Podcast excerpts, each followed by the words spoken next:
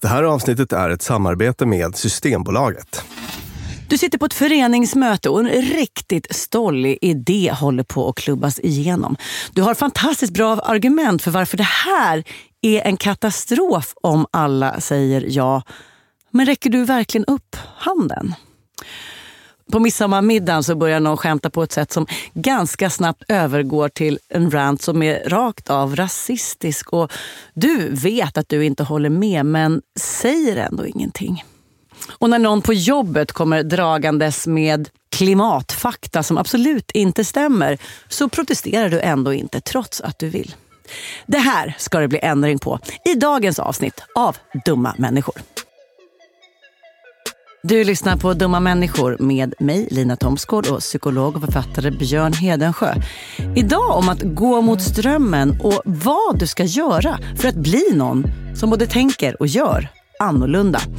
Varför är det så farligt med en värld där alla tycker och gör lika utan att tänka? Och vad kan just du göra för att bli en sån människa som vågar gå din egen väg? Det här avsnittet är ett samarbete med Systembolaget och de har en kampanj just nu som heter Låt oss tänka lite annorlunda. Och det är för att de olika förpackningar som Systembolaget har till sina drycker har olika stor klimatpåverkan. Och som konsument så kan man göra ett hållbart val mm. genom att just tänka lite annorlunda och välja en förpackning med lägre klimatavtryck vid tillverkning. Till exempel papp, eller pet eller burk. Som jag gjorde på min inflyttningsfest. Det, det var så duktigt av dig Björn. Det stod uppdukat burkar. Vad tyckte, du om, vad tyckte du om rödpang på burk? Jag var där för kort tid för att få testa. Men jag ja. tror att jag hade tyckt om det. Mm.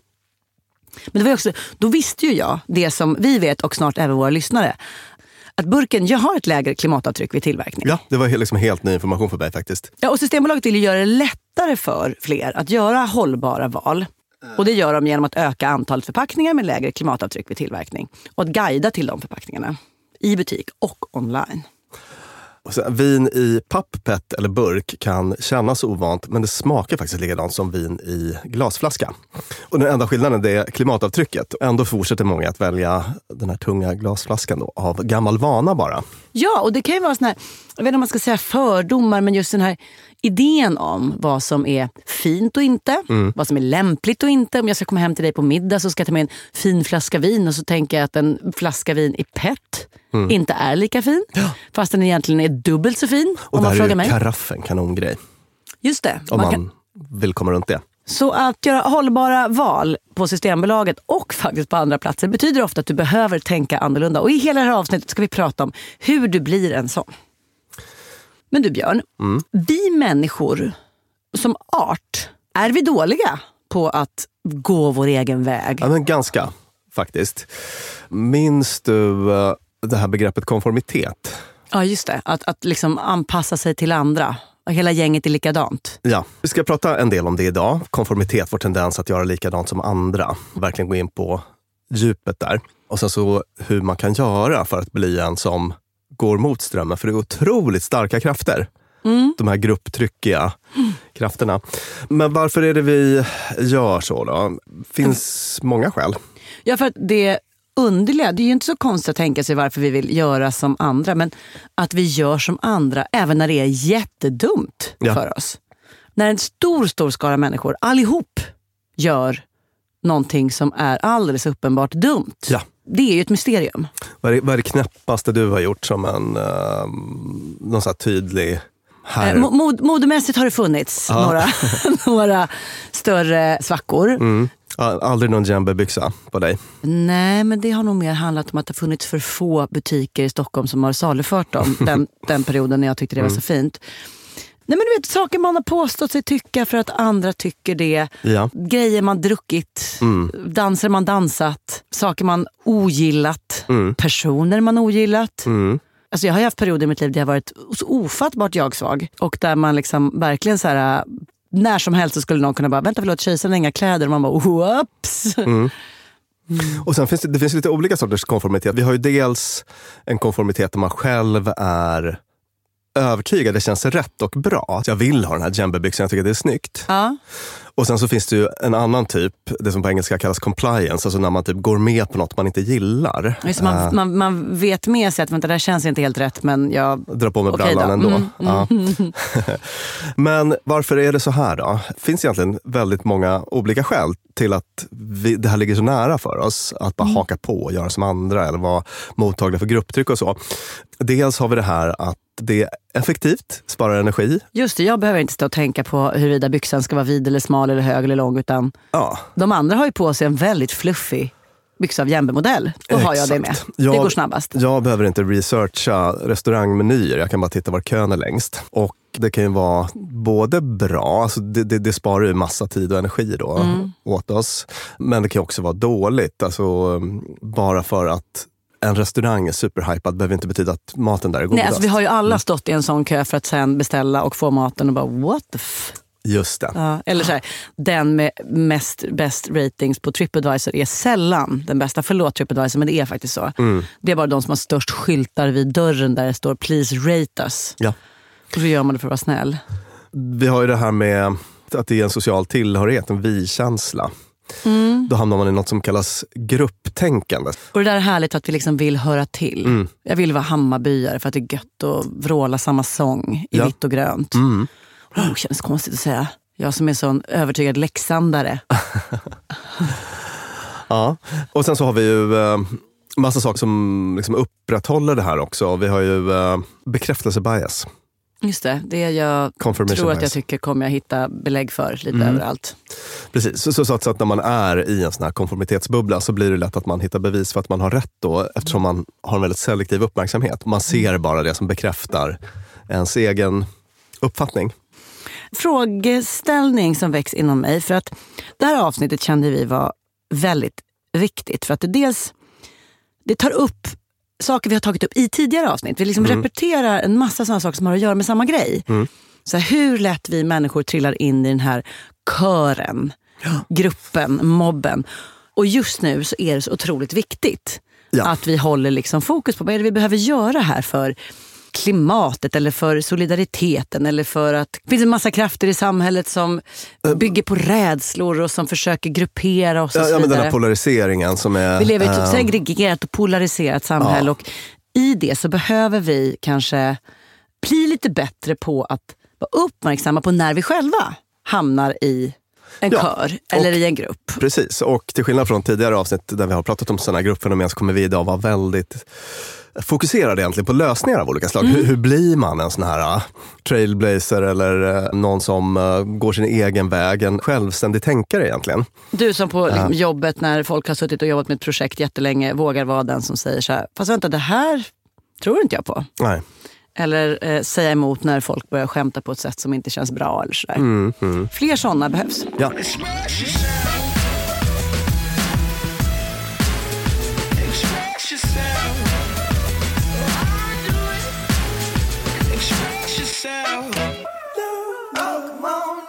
Minns du Solomon Ash? Mer som namn än som forskare. Vad har, vad har hen gjort?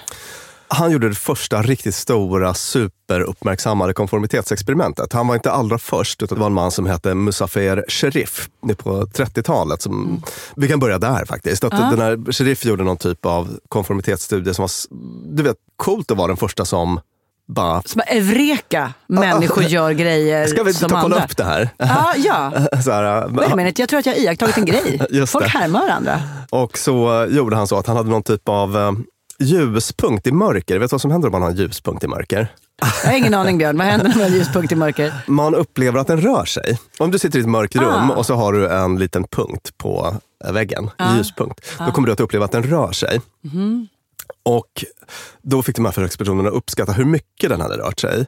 Och då upptäckte Sheriff här att man kunde påverka folks uppfattning väldigt mycket genom att så här, alltså om person A sa, ah, men var det inte det måste varit en halv meter minst, så påverkade det väldigt mycket f- försökspersonerna. Då. Mm, då sa alla andra något i stil med det också. Ja, det som gjorde att eh, Solomon Ash experiment blev mer uppmärksammat, det kanske hade med tiden att göra, men det var också att det visade hur otroligt villiga vi är att strunta i vår egen rimliga uppfattning. Just det, jag tyckte två centimeter, men skit i det. om någon annan pratar jättehögt och varmt om Ah. något annat. Och jag ska bara repetera det experimentet hur det gick till. Man hade ju en referenslinje då, alltså någon, en linje som Mm. var si och så lång. Och så var det tre andra linjer som man skulle jämföra med den här referenslinjen. Mm. Vilken är lika lång? En var tydligt kortare, Mm. en var tydligt längre och så var det en som uppenbart var lika lång som den här Mm. referens, referenslinjen. Då. Men det Solomon Ash upptäckte var att om man hade en skådis med de här Mm. försökspersonerna som skulle gissa vilken linje som var rätt, som verkade väldigt övertygad och gav fel svar inför de andra. Den där jättelånga och huvudpinnen, där har vi det. Ja. Åh, man tror inte, men de är precis lika långa. Just det. Och det här fick förvånansvärt många då att gå emot sin egen uppfattning och säga att uh, aha, det är väl så då. Och jag tror att jag har nämnt det i tidigare avsnitt, men, men det finns en ljudupptagning som är ganska häftig att lyssna på när, när folk är så här, bara helt gaslightade och bara tvivlar på sin egen uppfattning och sådär. Men sen så nu till det här avsnittet så läste jag om, alltså det, det är någon som verkligen har gått på djupet med hans data och kollat på hur folk, eh, alltså specifika personer betedde sig i det här experimentet. och. Och, och det fanns liksom alla möjliga sorter. Det fanns de som dels så här, Ja, alltså jag, jag förstod att det var fel, Mm. men eh, för att göra den här personen glad Ah, så höll jag socialt med. liksom. Ah, alltså verkligen ah. så himla socialt. Och sen hade vi andra som började tvivla på sig själv jättemycket. Och så, så, Ah. att, så att folk var konformistiska av olika skäl. Ah, intressant, för det är ju klart. Jag tänkte ju att det stora skälet skulle vara så oj oj oj, den här människan verkar så övertygad. Det, det är säkert jag som är dum. Ja. Att, att det liksom är den biten. Mm. Alltså, jag, vad du tror är viktigare än vad jag tror. Japp. Men intressant att det även kan vara så här, jag stöttar dig du dåre. Eller liksom, jag vill inte få dig att känna dig fånig nu när du Mm. Brinner för det långa strecket. Ja, ja, precis. Och det kan man ju känna igen från sitt Mm. Ja. privata liv. Alltså, jag menar, så kan jag typ göra fortfarande ibland. Alltså, Gud, ja. Om det är fruktansvärt viktigt för Kalle Kula att eh, om han mår otroligt bra av lite medhåll i den här frågan när han uppenbarligen har fel så kan man väl bjussa på det någon gång. Jag, var med, med, Ja. jag, jag har två vänner som är väldigt så benägna att supporta andra socialt. De heter Julia och Josefin som jag hade presenterat för varandra. Så satt vi på en restaurang och så säger Josefin något i stil med att på restauranger ibland så, så är menyn så tematisk och det, det gillar inte jag riktigt. Julia hör fel och tror att hon säger tomatisk och vill absolut supporta den här övertygelsen. Säger så här, ja, tomatisk, när det är så himla mycket tomat. I, och då, tror, då märker då Josefin att Julia hört fel och börjar supporta hon också. Ja. Men tomat, ah, vad varmt det kan bli med tomat. Och sitter de där och håller på i tio minuter innan jag bara, hallå stopp era dårar. Så otroligt gulligt, säger så fina saker Så om de gulligt. båda. Ja. Eh, Det gör det verkligen. Alltså, det är något väldigt socialt kompetent med det. Och sen så kan man, man kan ju verkligen se... Ja men det är väl ingen av dem som inte tycker om tomater och vips satt dem där och Nej, bara precis. blä. Just det. Det gäller ju att man inte är så konformistisk i alla lägen för då Nej. blir livet besvärligt. Men, men just där och då så var det ju Det var fint. bara jätte, jättegulligt. Conformity, the difficulty in maintaining your own beliefs in the face of others. We all have a great need for acceptance. You must trust that your beliefs are unique, your own, even though others may think them odd or unpopular, even though the herd may go, that's bad. Idag tänkte jag också prata om faktorer som påverkar konformitet. När blir vi extra mycket Ja. så här? För det är också en sån här sak som man har ki- kikat på, bland annat i den här äh, Ash-studien och i uppföljande studier. Och sådär. Jo, gruppstorlek till exempel. Att den ökar upp till mellan fyra och sex personer. Alltså ju, ju större gruppen är så, upp till mellan fyra och sex, så, så ökar tendensen till konformitet. Att man alla ska tycka lika. Ja. Så att en mindre grupp eller större grupp än så ökar chansen till att det ska finnas eh, avvikande åsikter. Okej, okej. Så upp, upp till 4-5 så kan man tycka annorlunda. Och över 6 så kan man tycka annorlunda. Säger, förstår jag dig rätt? Ja, det, me, me, att- mellan fyra och sex, det är lite olika olika studier, så, så pikar konformiteten. Ah, jag fattar. Då finns, det som, då finns det som färskt människor som tycker annorlunda. Ja, Precis. Finns ordet färst? Jag har glömt bort om det finns. Flest, motsatsen Motsats, färst. motsatsen till flest. Eh, Jag vet inte heller om det finns. Vi testar. Jag, jag tror att jag bara har hört det här i poddstudion faktiskt. Men, men jag vet ju vad du menar. Jag Ja. tror att lyssnarna gör det också. Det här är också en grej. Ju större sammanhållning i en grupp. Mm. Vi är skönaste, mysigaste, härligaste gänget. Ja, Stor gruppkram. ja. Vi är så bäst. Vi i vår sekt, till exempel. Ja, Där eller i vårt kill eller tjejgäng Ja. Mm. för den delen. Väldigt konformitetsfrämjande. Just det, för det blir extra svårt då att bara... Nej förresten, jag tycker inte om rökelse. Ja. Mm. Och en annan sak som har med det att göra är att ju mer attraktiv en grupp uppfattas för utomstående, Mm, vi som är medlemmar i Soho House. ja, Mm. till exempel, desto mer benägen blir man då att eh, anpassa sig till gruppnormer och så. Mm. Och inom gruppen då är status en faktor. Så att de som är i positioner som varken är högst eller lägst Mm. i gruppen, alltså att man är top dog eller bottom dog, Ja. ja. då är man mindre benägen att vara konformistisk. Alltså, högsta hönset och lägsta, de, de, Högsta är, och lägsta de är lite mer självgående, eller lite mer självtänkande. De är lite mer självtänkande. Medan mittengänget, eller den breda massan inom citationstecken, är mest konformitetsbenägna. Har du tankar om det? Ja, jag har en tanke som är att den högsta hönset, det blir ju på andra varvet konformitet eftersom det den gör. Nej hörni, nu tar jag av mig jämmebrallan och sätter på mig en rolig narrhatt. Mm. Alla andra bara, eh, okej jag med. Vips. Det blev, alltså, så, här, så att du, din avsikt var att vara egen och speciell. Ja. Men det blev Mm. gruppigt ändå. Japp. Ju mer fokus som hamnar på ett eh, specifikt beteende, alltså ju mer liksom, publicitet det får eller ju mer det övervakas, desto mer benägna är folk att vara konformistiska. Jag, jag tänker spontant på pandemin här. Ja, just- just det. Vad hade vi för beteenden som var otroligt frowned upon? Men du får inte, får inte nysa bland folk, du får inte kramas. Nej, Eh, nysningar är ju autonoma nervsystemet. kan man inte hjälpa. man kan väl knipa? Ja, det kan man ju göra. Ja, här, Hålla hand före, eller armveck och det där. det här var en otrolig konflikt med min exfru. Det är därför Hon tyckte inte det. att man kunde Nej. Hon nämnde det så sent som igår. Att det går inte. Nej, precis. Sluta nysa. Har hon glömt hur det är att ha ett litet spett barn som precis har somnat bredvid en och så behöver man nysa? det går att nysa utan fucking knyst. Är det så? Så Ja. sprängs typ ögonen och öronen på köpet, men det går. Så gör man. Okej. Så, så, att- så att ju, mer, ju, ju mer ett beteende uppmärksammas, desto mer benägna folk att konf... Formiseras. Ja. Alltså, den svensk fröken som lyssnar på det här programmet med rödpenna, hon kommer få slita. Mm. Men du, här vill jag då dra en liten parallell till tidigare nämnda Systembolaget och den här situationen som ju ofta uppstår när man ska hem på middag hos någon. Ja.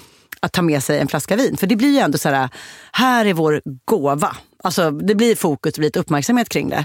Så det är inte bara så här, Mm. Nej. ta med dig något för vi behöver dricka något. Utan det är ju så här, det här säger något om vem jag är, Det är perfekt- vem du perfekt är, exempel. vår Perfekt relation. exempel. Ja. Ja. Och att då så här, ja, men som nu Björn. Jag, fick ju en, jag fyller år idag när vi spelar in det här. Kul för mig. Och fick en fin flaska av dig. Mm. Var det plätt eller var det glas? Det var pett faktiskt. Jag vet. Och då kände jag att det här säger något om Björn. Som jag in, så här, innan vi började jobba med Systembolaget så hade jag kanske tänkt så här, oj har Björn eh, cyklat hit och hade inte liksom, väska nog för en glasflaska? Eller behövde, var liksom lite så här, behövde han ha någonting som var lite stöttåligt? Så hade jag tänkt. Nu tänker jag, gud vad fint och miljömedvetet. Björn ger mig något. För att han, så här, det sänder signaler till mig om att Björn tycker att jag är klimatmedveten. Vad smickrad jag blir. Och det är, tycker jag var syftet med varför vi vill göra det här avsnittet. Också är att så här, ju fler som har den kunskapen, ju lättare kan det vara att bryta mot just den där normen. Yes. There's a pool a block from my apartment and I can't get in. What pool? At the Soho House. You have to be a member and I'm on some kind of bullshit wait list. Don't they know who you are? And more importantly, who we are, who need to be at the pool with you. Vi trampar vidare på den här listan över faktorer som ökar Ja, vilka är risken det? för Vad har vi med där då? Jo, om man är i ett gruppsammanhang där man har någon typ av uppgift att lösa. Ja. Ju svårare den är, Mm. desto mer konforma blir vi. Alltså man är mer liksom eh, vilsen, eller hur? Ja, vad är en svår uppgift att lösa? Det, det skulle kunna vara på en, eh, på en arbetsplats eller säg att du hamnar i en situation med någon typ av en cykelolycka på gatan. Liksom. Ja, just det, vi är 20 pers där. Vi är 20 pers där. Man kanske har väldigt dålig koll på hur man ska agera i en sån situation. Ja, just det. kan vara ett sånt exempel. Mm, och Allt det här är lite släkt med, med nästa punkt då, som är rädsla och oro. Att vi blir mer konformistiska Just eh, det. i eh, situationer där vi känner oss rädda. Där vi har. Och det är nog min svagaste... När beter jag mig som mest konformistiskt? Det är när jag vill ställa mig bakom någon som får ta smällen. Ja. Alltså när jag bara, jag tror att jag tycker det här. Mm. Men jag, alltså, vi- vid ett stort middagsbord och börjar diskutera kärnkraft eller vad det kan tänkas vara. Mm. Och då kan jag, om jag känner att det är ett läge där jag bara, jag kan inte tillräckligt mycket om det här eller jag är osäker. Mm. Och så finns det någon som verkar påläst och kunnig och man bara, tycker som den. Ja. Och sen så kommer nästa som är påläst och kunnig och tycker tvärtom så hoppar man in bakom den. Just det. Men det är väl egentligen den typen av vad ska jag säga, så här, att, att luta sig mot folk som kan bättre. Mm. Det är ju inte dumt. Nej. Det är att luta sig mot folk som kan sämre som är dumt. Just det, just det. Och tyvärr förekommer ju båda. Då, då. Mm. Och sen så en sista punkt här, sånt som tenderar att öka. Öka konformiteten. Mm. Och det är, Jämn fördelning av resurser ökar konformiteten. okej. mm. Så att, eh, om du tänker att du har en, man kan tänka på samhällsnivå då till exempel. Ja, typ Sverige. Ah. Så Vi har väl liksom, globalt sett varit ett väldigt, väldigt jämlikt land. Ja, Folk ja. har tjänat ungefär lika mycket, haft samma tandhälsa, samma studiegång, samma relation till vården. Och sådär. Just det. Då är vi också ganska likatänkande. Ja, precis. Då, då, blir det mycket lättare att liksom köpa ett normpaket. Och det här fattar man ju. Ja, man fattar det.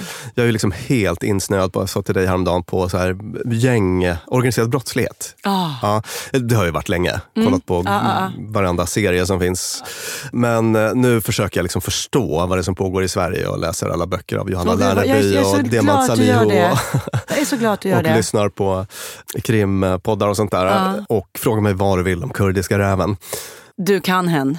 Jag kan hen. Ja. Men då tänkte jag på det här att när man Alltså det finns ju jättemånga förklaringar till det här. Det, det är det jag försöker fatta. Liksom. Men, men, men jag bara tänker på en sak är att när det pratas om rekryteringen i gängen och sånt där, alltså om man inte har någonting och liksom inga framtidsutsikter och, och man växer upp så.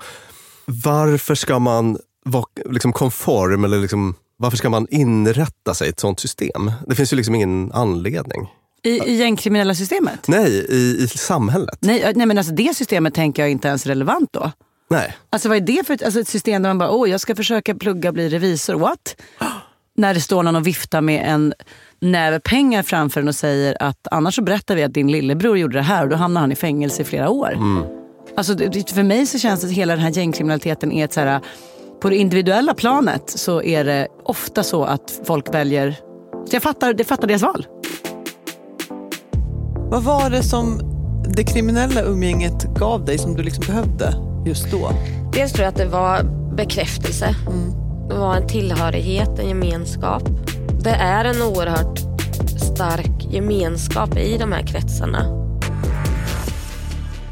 Det finns ju mycket som är bra med det här också. Alltså man behöver ju funka i grupp. Precis. Så här, hela, hela civilisationen, alltså att, att vi är civiliserade, Ja. brukar väl handla om att vi gör ungefär på samma sätt, väldigt många av oss. Och det gör att det blir enkelt.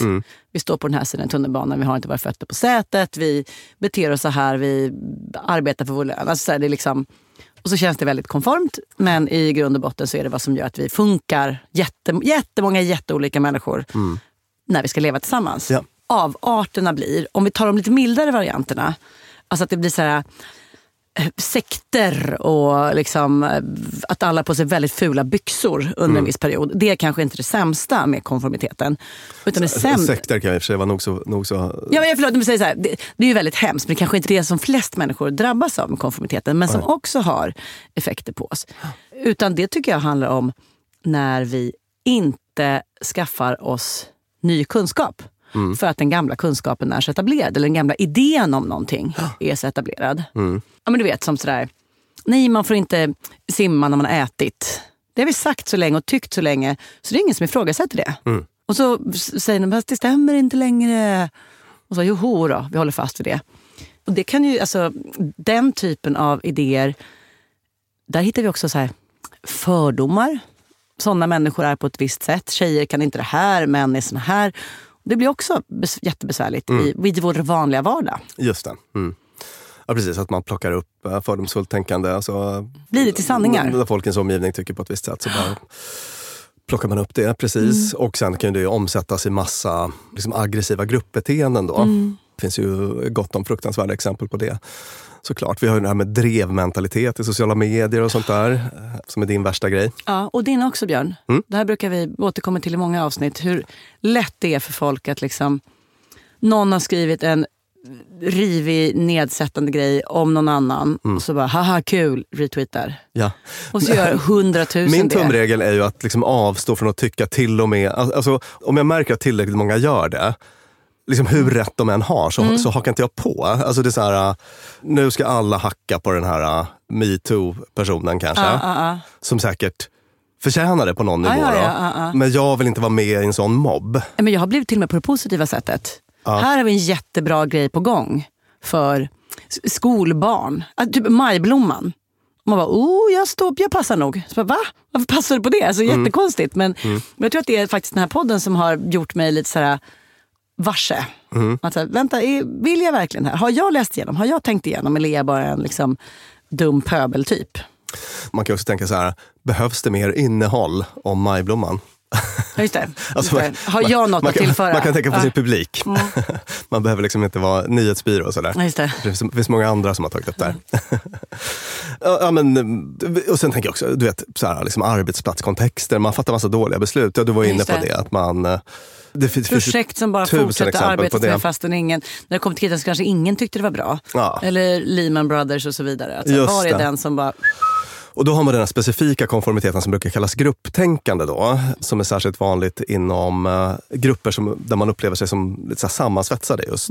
Och det finns ju gott om exempel på det då, sådana här historiska exempel där man brukar ta upp den här um, invasionen av Grisbukten i Kuba. Jag har faktiskt varit där, Grisbukten. mm, det är ju inte så vackert namn. Nej, men det var en ganska vacker plats. Där gjorde USA ett invasionsförsök som var en absolut megaflopp och som är fortfarande i denna dag en sån här otrolig liksom, stolthet då i, i Kuba. Det finns museum där och så Ah. vidare. Och där tänker man sig att det var någon liten grupp, jag vet inte hur många de var, men en handfull. Och det var John F Kennedy, den snygga, preppy presidenten och hans gäng. Där alla var liksom så övertygade om den här gruppens förträfflighet att man behövde liksom inte ta in någon djävulens advokat eller någon röst utifrån eller mer info. Att man liksom isolerar sig i det här förträffliga gänget då och blir sån här ja-sägare bara.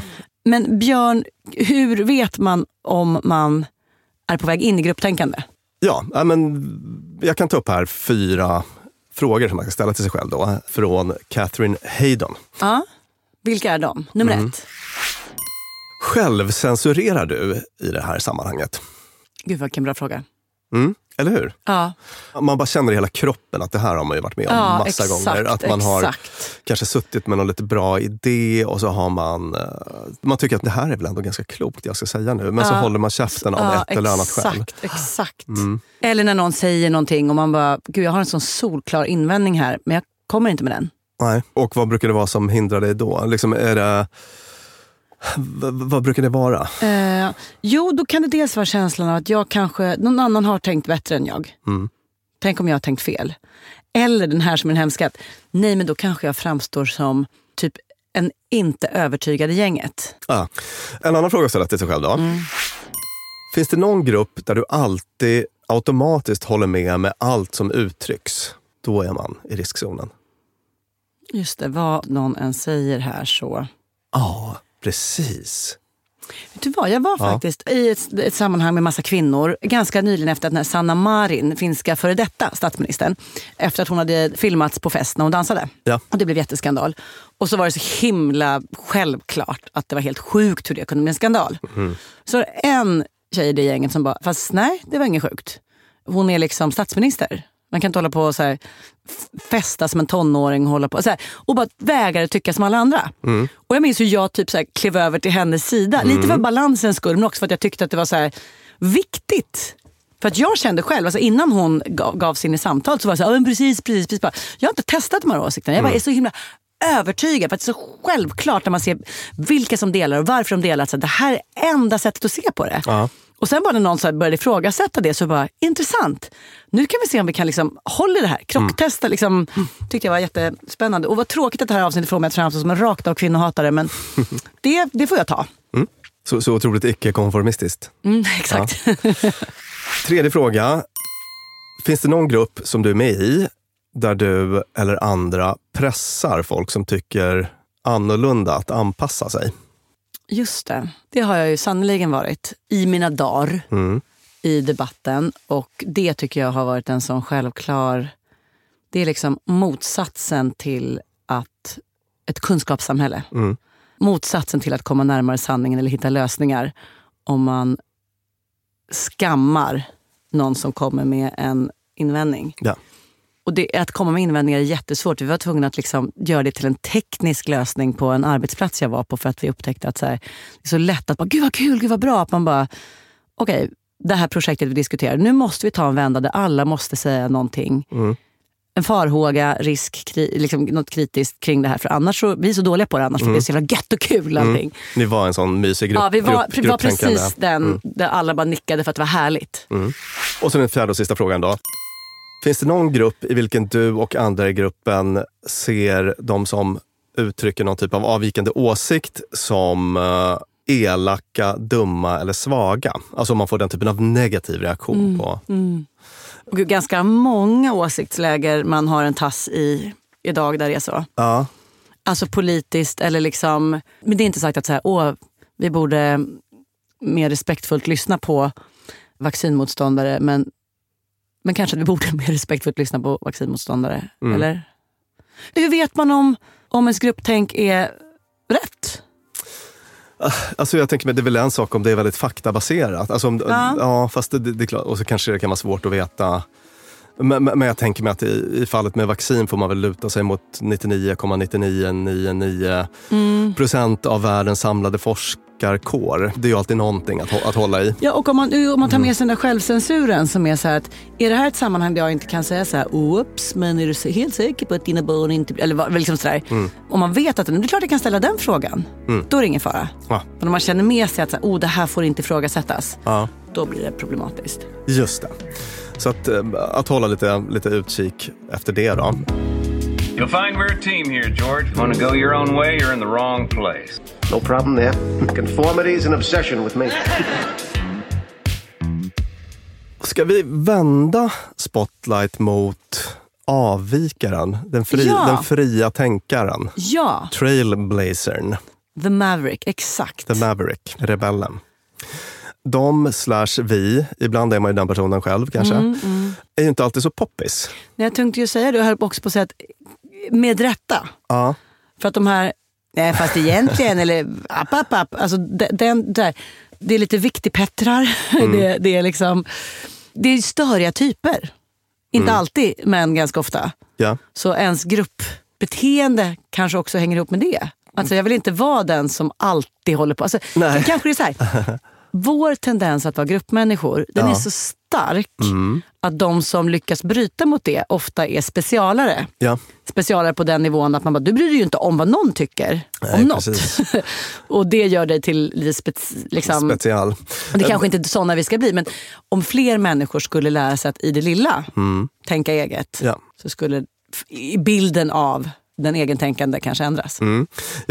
Du kommer att få ett gäng arketyper, så här, liksom, olika typer av eh, avvikare. Ja. Så då kommer vi att eh, gå in på det lite mer på djupet. Men jag tänkte att först bara det generella, att vi gillar liksom inte riktigt folk som avviker. Och Det finns ganska mycket forskning som visar det. Då. Alltså både sådana här laboratorie eller experimentstudier Ja. men också från verkliga livet. Och jag läste en väldigt rolig artikel, det var en forskare som heter David Myers som också är en gamer. 50 plus gamer då. Och han hade någon typ av sånt socialpsykologiskt experiment ute i ett spel som heter City of Heroes tror jag. Han var en karaktär där ute som väldigt aktivt bröt mot olika gruppnormer. Han följde spelets regler men bröt mot gruppnormer på olika sätt. Han han liksom traskade runt där och, och var bara otroligt. Lite eljest. Lite eljest, Ja. icke-konformistisk. Folk blev galna. Han fick liksom dödshot. Nej. Eh, folk höll på skulle så här röja hans identitet för att ta livet av honom i IRL och sådana saker. Men gud vad intressant.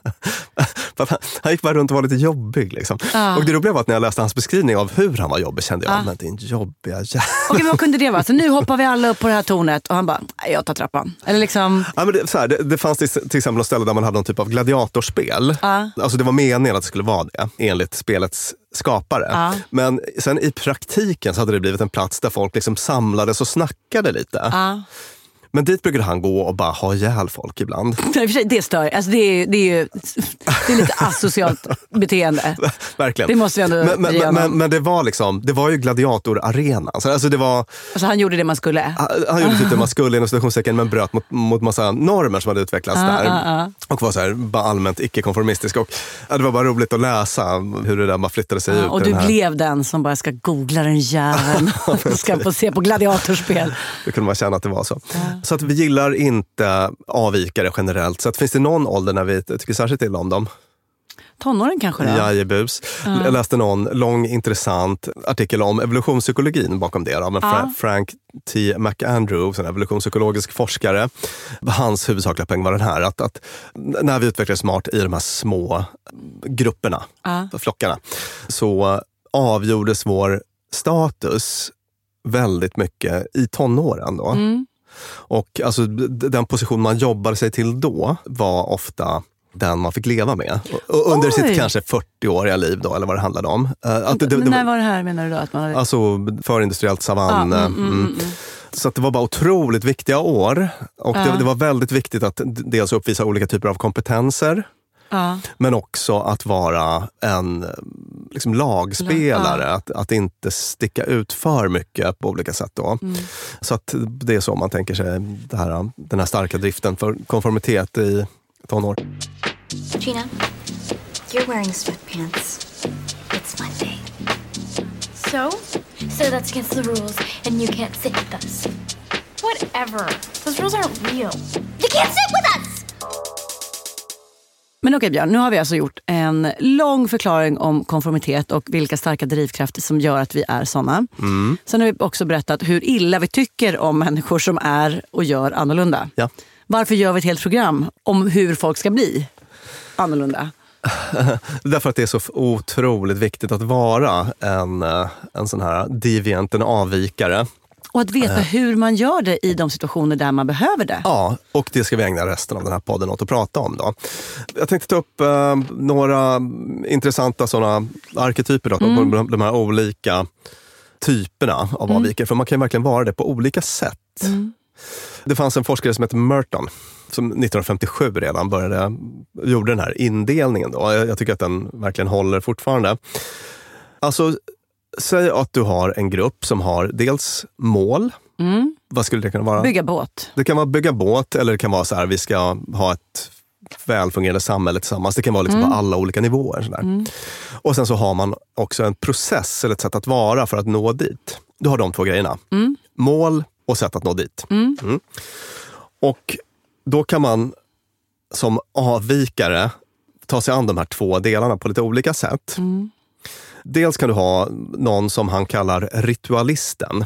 Alltså man bryr sig inte om eller gillar inte gruppens mål. Mm. Men man accepterar gruppens sätt att försöka nå dit. Okej, så man, Eh. föl- man följer liksom... Man går till vallokalen men röstar blankt. Eller man... ehm, Ja. liksom, Going through the motions, Ja. som man Mm. skriver. Det är en typ av liksom avvikande mm. som man känner igen. Ja, just det. Ja. Verkligen. Och sen så har vi, det kan vara någon som accepterar målet. Mm. Vi ska ha ett hållbart samhälle kanske. Ja. Men, Men- inte genom att sluta med fossila bränslen. Men som, in, att- men, som inte accepterar Att inte flyga. hur vi jobbar för att nå dit. Mm. Ja, precis. Jag vägrar flyga mindre. Jag tänker istället liksom uppfinna eldrivna flygplan. Alltså någon som vill hitta... Liksom, Ett bättre sätt. Ja. Ah. Mm. Och de har vi ju i historien. De är, de är kanon. ja, precis. Mary Anderson sitter i en bil, bilrutan snör igen. Mm. Hon behöver få bort den här snön. Hon skulle kunna hoppa ut och ta bort den. Så bara, nej vänta, vi behöver någon form av vindrutetorkare här. Wow. Uppfinner. Tack, Ja. det var en helt ny Mm. liten bit kunskap. Tack för det. Ja, och, och jag menar, de, de här personerna är ju, de, de betyder ju precis allt. Mm. Om vi nu ska liksom sälja den här Annorlunda avvi, avvikaren, ja. annorlunda tänkaren. Skulle man titta på de stora innovatörerna, uppfinnings... Alltså såna här, som verkligen har gjort historiska saker för mänskligheten så skulle väl nästan var och en av dem kvala in där. Japp. Eller, eller riktiga protestpersoner också. Ja, de kommer vi till nu. Ah, För de återstående arketyperna är sådana som varken accepterar gruppens mål eller sätten att nå dit. Mm. Eh, och där har vi två typer. Den ena är rymmaren som säger, jag, jag drar och bor i skogen. Alltså, det- den där vild, vilde far. Ja, alltså, Eller vildemor. Inte nödvändigtvis, att man, men, men bara som ett exempel. Mm, att, att man till exempel lever off-grid då, Ja. eller alltså man, man är bara inte med. Nej, Jag, jag spelar inte med er jag grejer. spelar inte med er grej. Nej. Mm. Uh, gör, gör vad ni vill. Liksom.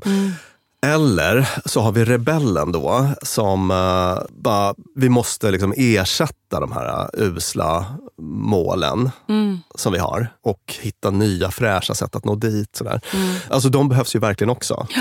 Rosa Parks eller Ja, den exakt, typen av personer exakt. som bara accepterar inte det här samhället ni håller på att försöka bygga. Vi måste göra helt annorlunda. Vi måste ha andra mål och vi måste göra helt annorlunda.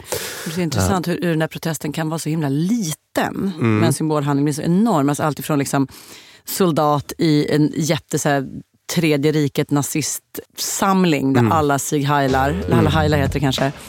Och han bara, "N- icke sa Nicke. Man bara, du står ändå där i din uniform. Men idag, alla som ser den bilden bara, Oof, be that one. Mm. Att, Det var, det var inte så mycket ryggdunk då. exakt, Mm. The other passengers there reluctantly gave up their seats, but I refused to do so. They came and placed me under arrest, and the trial was held December 5th, and the protest began from that day, and it is still continuing. Vi pratade tidigare om att man inte tycker om avvikare på någon typ av generell nivå. Mm. Men vissa typer av avvikare gillar vi ju. Ja. Eh, och det är en sån här grej som man också pratar om i forskarsammanhang. Att man kan vara liksom en konstruktiv avvikare. Då. Om Mm. man till exempel är den här innovatören eller så. Att, att man Mm.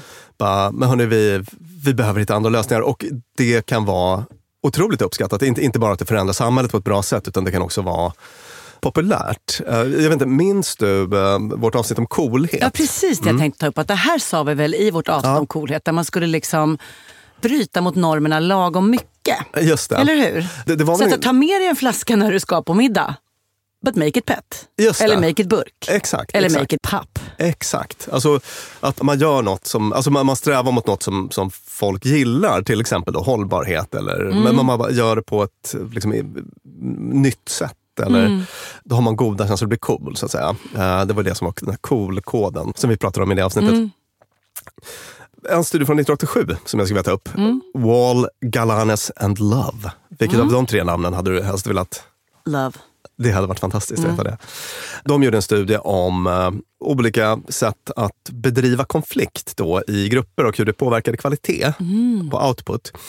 Det var studenter då, som det ofta är, 24 sådana grupper med fyra till sju personer i varje grupp. Mm. Så hade de en speciell uppgift, de skulle ranka någon grej, någon typ av Mm. kognitiv uppgift. Då.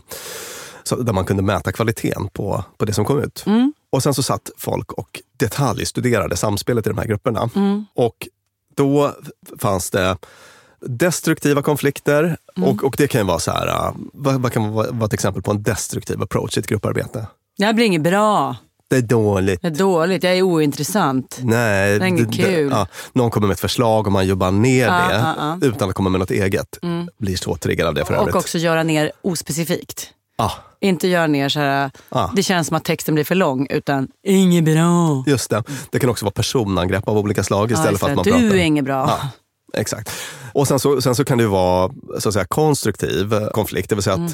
okej, tack för ditt förslag. Vet du vad, jag tror att det är ett problem med just det där. Skulle man inte kunna göra så här istället? Mm. Det är väl egentligen, om man ska sammanfatta, konstruktiv konflikt. Och Mm. sen så har vi eh, någon tredje variant som var liksom ingen konflikt eller någon superkonformitet. Mm, Att alla bara gick på det Ah, förslag ah, som ah. kom och sen så ah, alla bara håller med varandra. Inte någon nej säger alls. Mm. Precis. Och vad, vad tror du om man ska ranka kvali- tror jag så, kvalitet på output? Ja, då tror jag så här. Konstruktiv kritikgänget, bäst. Mm. Det blev bästa lösningarna. Näst bästa lösningarna, nej-sägar-gänget. Är det så? Mm. De var till och med bättre än ja-sägar-gänget. Ja. En konformitetsgänget, ja. Mm. Wow! Gud vad spännande. Jag kommer att tänka på den här, de här jätteintressant serie studier som hade att göra med neutralitet och likability. Mm. Eh, Ringer det här bekant? Eller? Ja, ja. Där visade det sig ju då att eh, tvärt emot vad jättemånga tror, att, Mm. att man faktiskt i alla möjliga sammanhang har mycket att vinna på att faktiskt tycka grejer. Jag kan tycka att ett, ett intresserat ifrågasättande är mysigt. Ja. Jag har en vän som kan säga så här, men är det verkligen så? Alltså man kom, jag, jag bara, kör, prata på, hitta på en åsikt för att ja, vara lite kul. Så säger Ja. någon, tittar någon på så här, nyfiket och intressant, men är det verkligen så? Och så kan man liksom börja jamma med det. Mm. Det är jättespännande. Det är inte nej-sägning utan det är liksom en så här, har vi något att diskutera som krocktestar, som jag tycker också är lite respektfullt. Ja, och jag älskar det. Det blir så mycket roligare. Men Mm. bara kom ihåg att det, det är så bedrägligt det där. Man tänker att neutraliteten måste ju vara det bästa Mm. likability-mässigt för att då... Mm. Har man inte valt sida. Man har Mm. inte valt sida, man har inte trampat någon på tårna. Ingen fiende. Ingen fiende. Men det de här amerikanska studierna som jag nämnde tidigare visade, det var att man ofta förutsätter då till exempel att den här personen har någon skruvad åsikt som den inte vågar ge uttryck för, det. tycker tvärt emot mig, eller att den är en Mm. fegis. Och så, alltså det fanns massa negativa faktorer i den här neutraliteten. Det var lite kontraintuitivt. Jag tyckte det var kul på det sättet. Som du sa, ha, ha, ha gärna en åsikt landade vi där. Mm. You know you gotta stand up for yourself.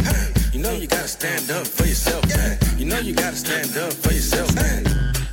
Nu ska vi ge oss på en radda tips Ja, på hur man kan... lyssnare, ni där ute som vill bidra till samhället och till ert eget och era näras välmående genom att vara genom att ha förmågan att tänka annorlunda. Här Mm. kommer tipsen för er.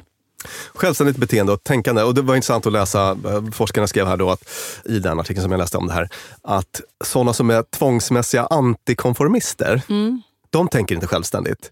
De, Mm. Nej just ja, de är ju gruppisar. och De tänker bara tvärtom. Ja, de tänker bara tvärtom. ja. Supergruppigt. Eh, supergruppigt, exakt. Som din eh, gamla kompis som alltid satte sig på golvet i tunnelbanevagnen för Mm. att han tyckte det var borgerligt att sitta på sätet. Mm. Alltså, i, I ett sammanhang är han superkonformistisk. Ja, exakt. Det, det var en bra takeaway. Just Verkligen. det. Och att sant fritänkande personer liksom glider in och ut ur majoritetens tänkande och beteende. Just man har såklart förmågan att välja när man tycker annorlunda eller när man håller med. Japp. Mm. Och en rad då sådana här uh, lessons Mm. från socialpsykologins historia på antingen hur man skapar förutsättningar eller Ja. hur man kan tänka eller bete sig. Sådär. Ja. Ja. Nummer ett. Små grupper, att så här, uh, vara i sammanhang med, med mindre grupper. Vi lärde oss att, vi, att den här konformiteten blir större, eller liksom Mm, fyra, fem, sex ja. uh, personer. Att man kanske kan ha små arbetsgrupper och fatta beslut i dem. Eller sådär. Eh, Ah. Om man vill minska graden av konformitet Just och det, vara är lite vi, mer är vi tre självständig. pers och jag tycker annorlunda så står jag ändå för 33 procent av trycket här. Ja. Då känner jag mig inte lika mycket som en avart. Mm, nästa punkt.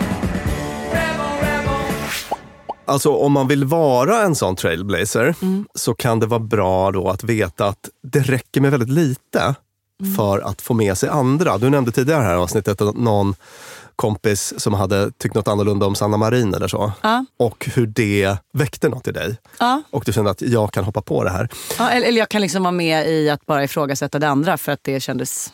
Jag vet, inte, varför kändes det här härligt? Jo, för att jag inte vill vara konform. Ja, Mm. och, och det här har man också sett då i, i den här Ash-studien, att det, det räcker med, liksom, eller i uppföljningar på den kanske det var, att det räcker med att någon ifrågasätter lite grann, Mm. så, så kan man få stopp på den här konformiteten. Mm. Alltså, som trailblazer är det ganska lätt att få med sig folk på tåget. Helt enkelt. Och om det är det man vill, men det kanske inte är det man vill. Man kanske bara vill få folk att inte vara konforma. Alltså att det inte alltid handlar om att så här, och nu måste alla tycka som jag. Utan Mm. vi måste faktiskt se till om den här idén håller. Ja. Från lite olika håll. Mm. Man kan förenkla eller kräva ett förtydligande i situationer där saker och ting är svåra och krångliga.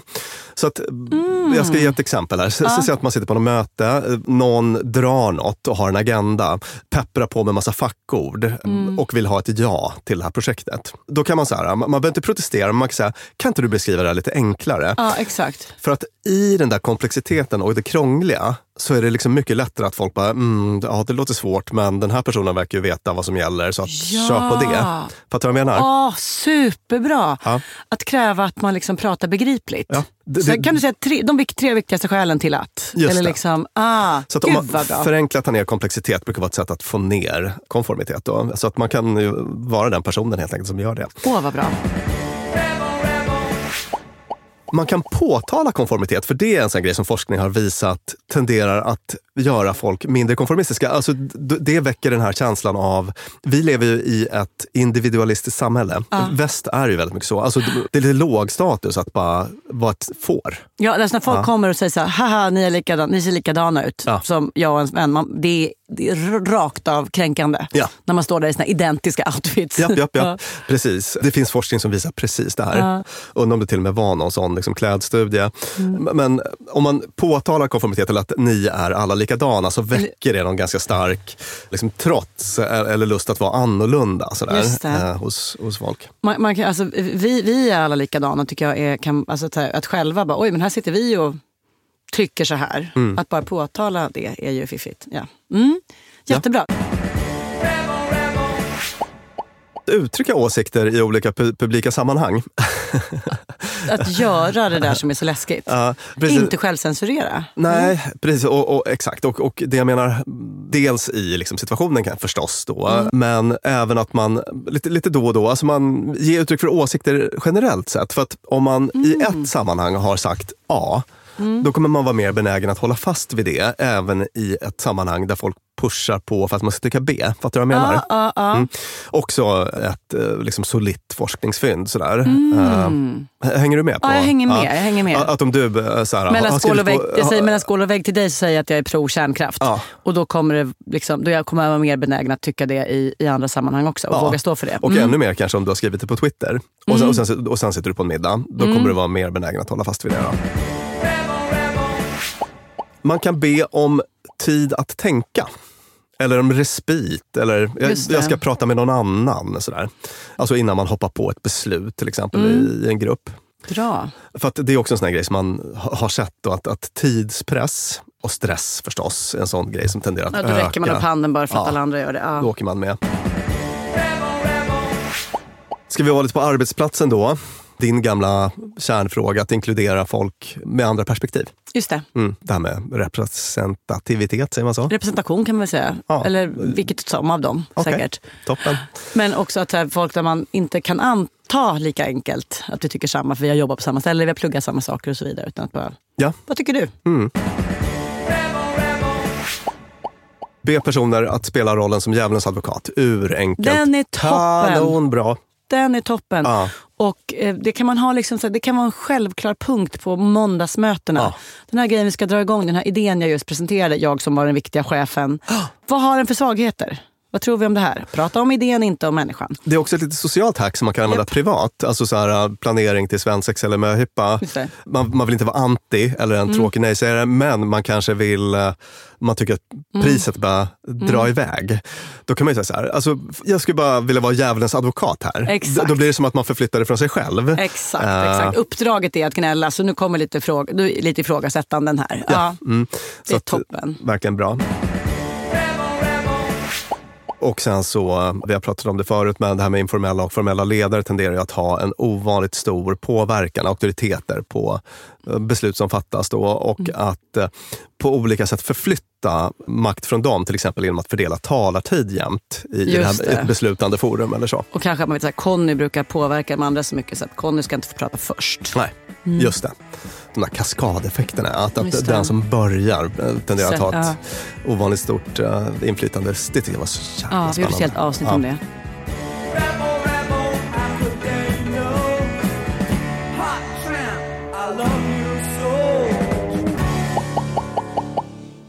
Det är väl en, en handfull tips. Och, och sen så också att börja med att liksom bara testa, göra. Eh, Det är en Mm. sån här grej som jag ganska ofta brukar köra med klienter, att som övar på så här självsäkerhetsbeteenden. Då, att Mm. de får, nu ska du hålla en åsikt hela kvällen. Du ska bara genom hela kvällen stå fast vid den här kärnkraftsåsikten. Ja. Även om man typ bara, ändra sig så, så ska Mm. man i övningen att bara hålla Mm. fast vid, hålla fast vid. Mm.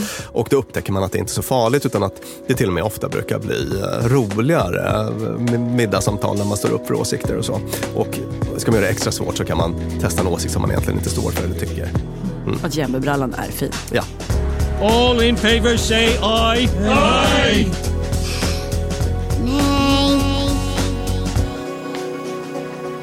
Ja, där fick ni en lång radda tips på hur ni kan bli personer som har förmågan att tänka annorlunda där det behövs. Och Systembolagets kampanj Låt oss tänka lite annorlunda handlar om just det här. Eftersom att vi vet att förpackningar i papp, pet och burk har lägre klimatavtryck vid tillverkning än glas. Och där behöver vi alla tänka lite annorlunda. Så ta med dig en pet eller papp eller burk nästa gång du går på middag. Häll upp din karaff om du tycker att det ska kännas flottare när du vill servera. Läs mer om förpackningar med mindre klimatavtryck på omsystembolaget.se. Jag heter Lena Thomsgård. Tack till dig, Björn Hedensjö. Och tack till Peter Malmqvist som har klippt avsnittet och till Klara Wallin som är vår producent. Tack så mycket till Systembolaget för fint samarbete med det här avsnittet.